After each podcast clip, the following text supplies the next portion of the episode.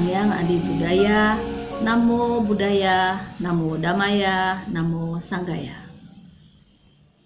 Kepada Bapak Ibu, saudara-saudari, salam sehat, salam sejahtera untuk kita semua. Berbahagia sekali, bersyukur saya Melina pada kesempatan ini dapat berkumpul kembali di dalam channel YouTube Kiananda dan pada kesempatan ini saya akan membawakan topik tentang membangkitkan daya upaya. Bapak Ibu, sebelum dilanjutkan saya awali dengan sebuah cerita, cerita klasik. Mungkin Bapak Ibu Saudara sudah sering sekali mendengar uh, kisah ini ini seperti kisah kancil mencuri mentimun yang setiap malam penghantar tidur untuk anak-anak yang selalu dibawakan tiap malam tetapi tidak pernah bosan akan selalu didengar sehingga memberikan uh, tidur yang nyenyak buat anak-anak kita. Ceritanya adalah tentang dua ekor serigala. Ada dua ekor serigala serigala hitam dan serigala putih. Dua ekor serigala ini selalu bertempur, selalu bertempur, selalu bertempur. Nah, yang jadi pertanyaan yang juga merupakan akhir dari cerita ini. Siapakah yang memenangkan pertempuran tersebut? Serigala hitamkah atau serigala putih? Tentunya pemenangnya adalah serigala yang kuat. Nah, serigala yang kuat ini adalah serigala yang selalu mendapatkan makanan, selalu diberi makan, selalu mendapatkan makanan yang lebih banyak. Jadi bisa yang serigala yang putih, bisa serigala yang hitam. Bapak Ibu Saudara, di dalam e, batin kita diibaratkan ada serigala hitam dan serigala putih. Serigala hitam itu diibaratkan adalah sisi-sisi buruk yang ada di dalam diri kita. Dan serigala putih diibaratkan sisi-sisi baik yang ada di dalam diri kita. Memang di setiap momen di perjalanan hidup kita selalu terjadi pertempuran antara serigala hitam dan serigala putih. Contohnya, ada seorang pengemis yang mendekat kepada kita. Langsung terjadi pertempuran di dalam batin. Kasih jangan, kasih jangan. Nah, muncullah serigala hitam Jangan dikasih, nanti jadi pemalas. Dan muncul serigala putih. Kasih, kasihan. Mungkin dia lapar, dia perlu makan. Nah, itu terjadi pertempuran. Memang sebagai orang biasa, tentunya kita belum bisa menghindari yang namanya perbuatan-perbuatan buruk baik itu yang dilakukan oleh pikiran kita, oleh ucapan kita, dan oleh perbuatan kita, oleh jasmani kita. Itu selalu datang silih berganti. Baik itu buruk, baik itu baik. Selalu datang silih berganti. Nah, mana yang akan menang di dalam sisi baik dan sisi buruk ini? Apakah sisi baik yang menang ataukah sisi buruk. Nah, untuk itu sama seperti serigala tadi. Yang menang adalah yang kuat. Yang menang adalah yang sering diberi makan. Nah, sisi baik dan sisi buruk kita, apa makanannya? Sisi baik dan sisi buruk kita adalah kebiasaan-kebiasaan kita itu yang sering kita lakukan. Yang sering kita lakukan itu kebiasaan-kebiasaan baik atau kebiasaan-kebiasaan buruk. Kalau kita bisa melakukan perbuatan baik, perbuatan baik, perbuatan baik, perbuatan baik lebih banyak, lebih sering, maka kita akan spontan. Ada pengemis datang, langsung spontan kasih. Tetapi kalau kita sering melakukan perbuatan buruk, perbuatan buruk, perbuatan buruk, maka untuk melakukan satu perbuatan buruk pun akan spontan.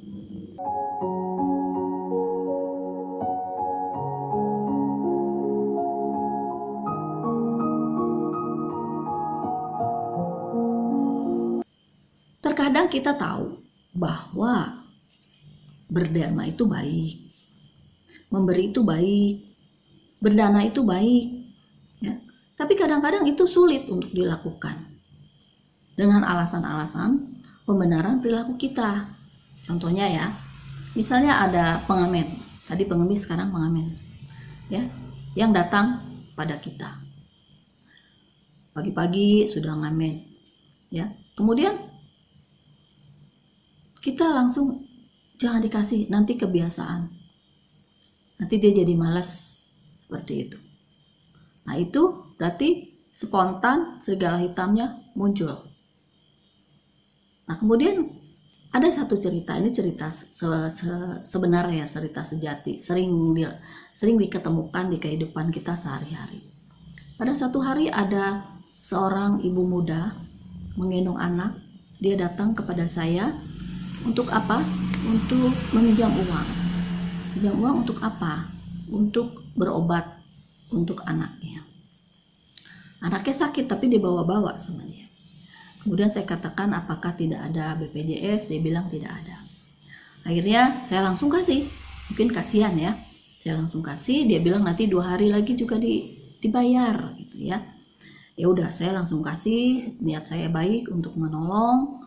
Kemudian Eh, semoga saja eh, bantuan saya ini bisa bermanfaat.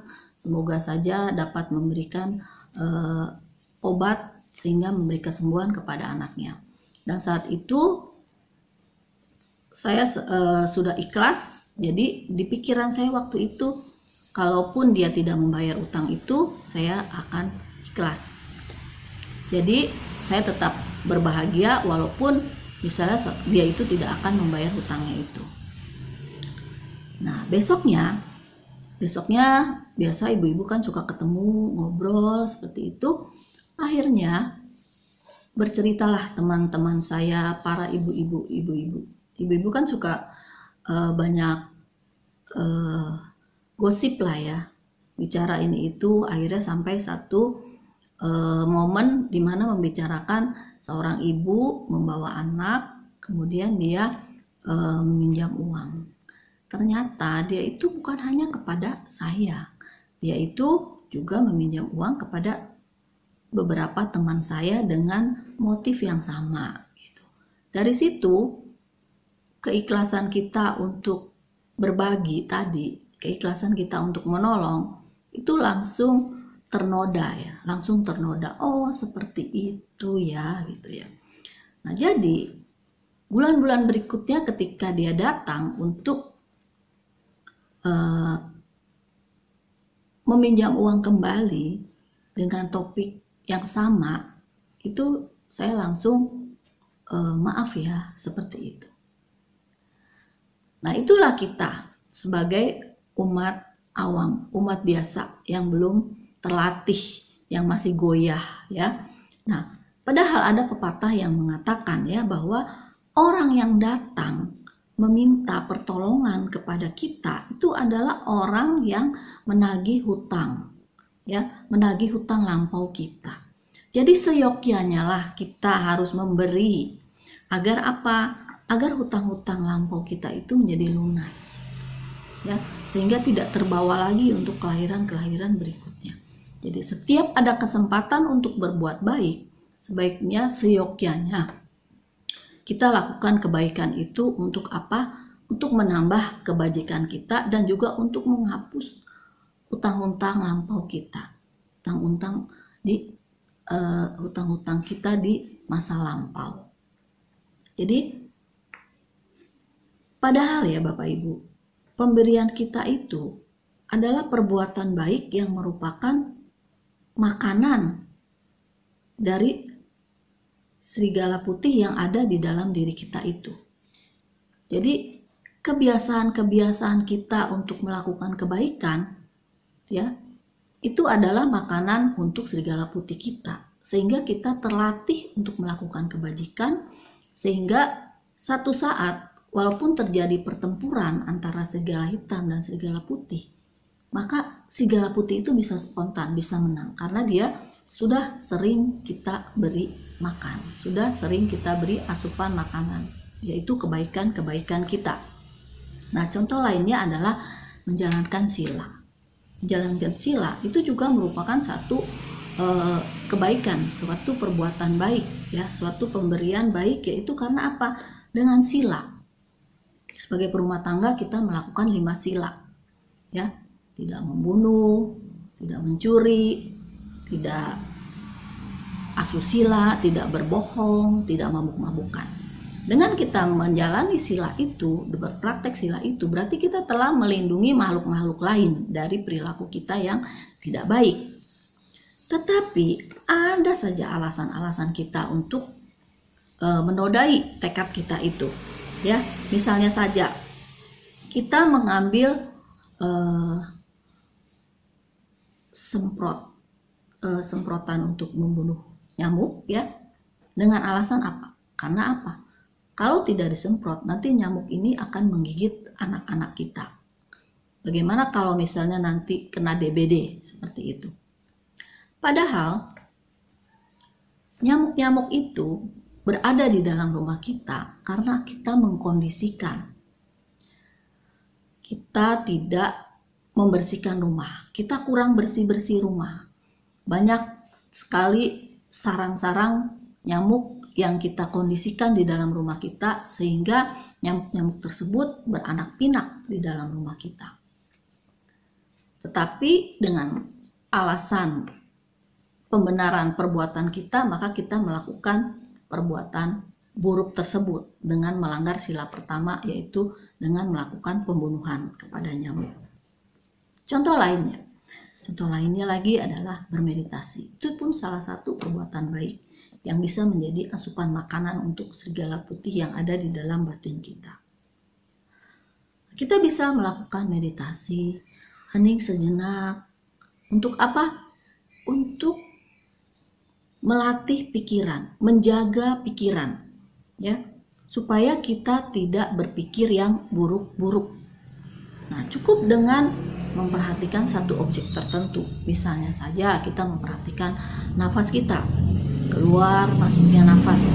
Selama 15 menit saja di pagi hari dan 15 menit di sore hari. Itu sudah melatih pikiran baik kita. Ya. Nah tetapi banyak sekali alasan-alasan seperti tadi. Misalnya sibuklah tidak ada waktu lah badannya nggak kuat lah duduk lama-lama kesemutan lah seperti itu itu adalah alasan-alasan yang kita kemukakan untuk pembenaran kita melakukan hal-hal yang buruk. Tidak melatih diri untuk melakukan hal-hal yang baik. Tidak melatih diri untuk selalu melakukan hal baik sehingga memberikan asupan makanan kepada segala putih yang ada di dalam batin kita. Untuk itu, marilah kita berlatih dan berlatih untuk mengembangkan daya upaya, untuk membangkitkan daya upaya dengan sebuah usaha. Nah, usaha ini saya dapatkan dari guru saya, seorang guru saya, yaitu dengan metode min min plus plus. Nah, ini juga seperti yang ada di dalam sama pada nasuta yaitu di Anggota Nikaya 4 275 tentang empat usaha benar. Ini diterjemahkan dari bahasa Pali oleh Biku Bodhi. Dikatakan, para biku, demi pengetahuan langsung pada nafsu, maka empat hal harus dikembangkan. Apakah empat ini? Di sini Seorang biku membangkitkan keinginan untuk tidak memunculkan kondisi-kondisi buruk yang tidak bermanfaat yang belum muncul. Ia berusaha, ia membangkitkan kegigihan mengerahkan pikirannya dan berupaya. Jadi di sini minus yang pertama. Di mana perbuatan-perbuatan buruk yang belum pernah kita lakukan, yang belum pernah muncul, itu jangan sampai dilakukan, jangan sampai muncul. Jadi di sini kita harus menjaga tiga pintu karma kita, menjaga pikiran kita, menjaga ucapan kita, dan menjaga perbuatan-perbuatan jasmani kita.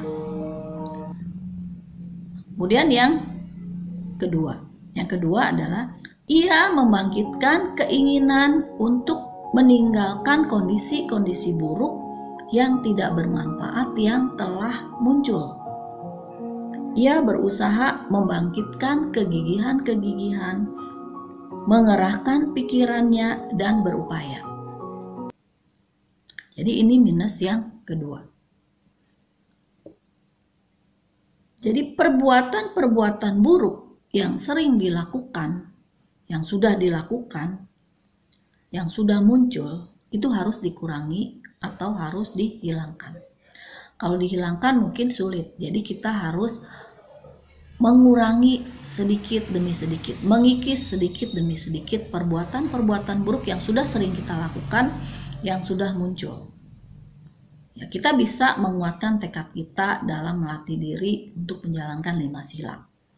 Dan kita harus selalu berpikir apakah perbuatan-perbuatan yang kita lakukan ini merugikan makhluk lain. Apakah bermanfaat atau tidak untuk makhluk lain. Itu minus yang kedua.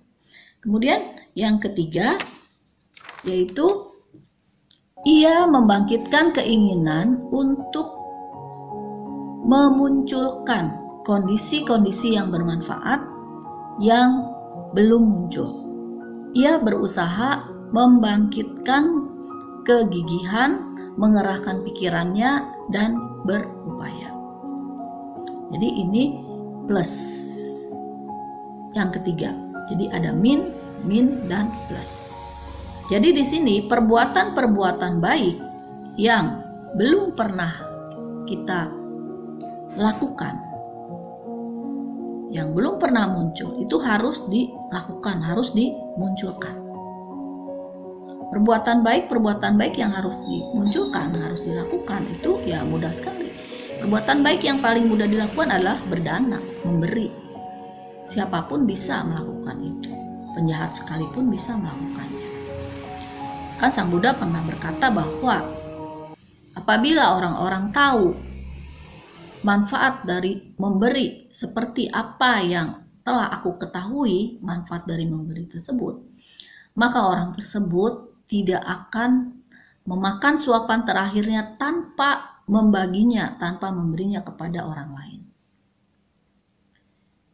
Dan untuk melakukan satu kebajikan, walaupun dengan air sisa cucian piring, kalau di dalam pikiran kita, kita berpikir bahwa dengan air ini sambil membuangnya, kita masih bisa berpikir bahwa ada makhluk-makhluk yang bisa menerima manfaat dari air ini, itu adalah satu kebajikan. Itu adalah yang ketiga. Sekarang yang keempat, ia membangkitkan keinginan untuk mempertahankan kondisi-kondisi yang bermanfaat yang telah muncul. Untuk ketidakmundurannya, meningkatkannya, memperluasnya, dan memenuhinya melalui pengembangan. Ia berusaha, ia membangkitkan kegigihan, mengerahkan pikirannya, dan berupaya. Jadi ini adalah plus yang keempat. Min min plus plus. Di perbuatan-perbuatan baik yang sudah sering kita lakukan perbuatan-perbuatan baik yang sudah muncul maka itu harus ditambah harus dikembangkan. Ya ya misalnya yang sudah biasa berdana perbanyak berdananya dipersering berdananya dikembangkan yang sering beribadah sering ke wihara rajin diperbanyak diperajin. Nah, kemudian ada orang yang suka menolong, suka bermeditasi. Nah, perbuatan-perbuatan baik itu harus dikembangkan atau di uh, dimunculkan. diperbanyak. Itu. Nah, jadi di dalam sama dana sama padana sutta dikatakan bahwa demi pengetahuan langsung pada nafsu, maka keempat hal ini harus diupayakan. Jadi Bapak Ibu, empat usaha ini bisa kita lakukan dengan berlatih, berlatih, dan berlatih. Hanya diri kita yang bisa mengendalikan perbuatan baik atau perbuatan buruk yang kita lakukan. Hanya diri kita yang bisa mengendalikan. Perbuatan buruk dan mengembangkan perbuatan perbuatan buruk harus kita kikis, kita hilangkan. Perbuatan baik harus kita kembangkan. Harus kita usahakan dengan kegigihan, dengan mengerahkan pikiran dan usaha. Nah, mari kita selalu menjaga pikiran, ucapan, dan perbuatan kita, terutamanya adalah pikiran ya, Bapak Ibu.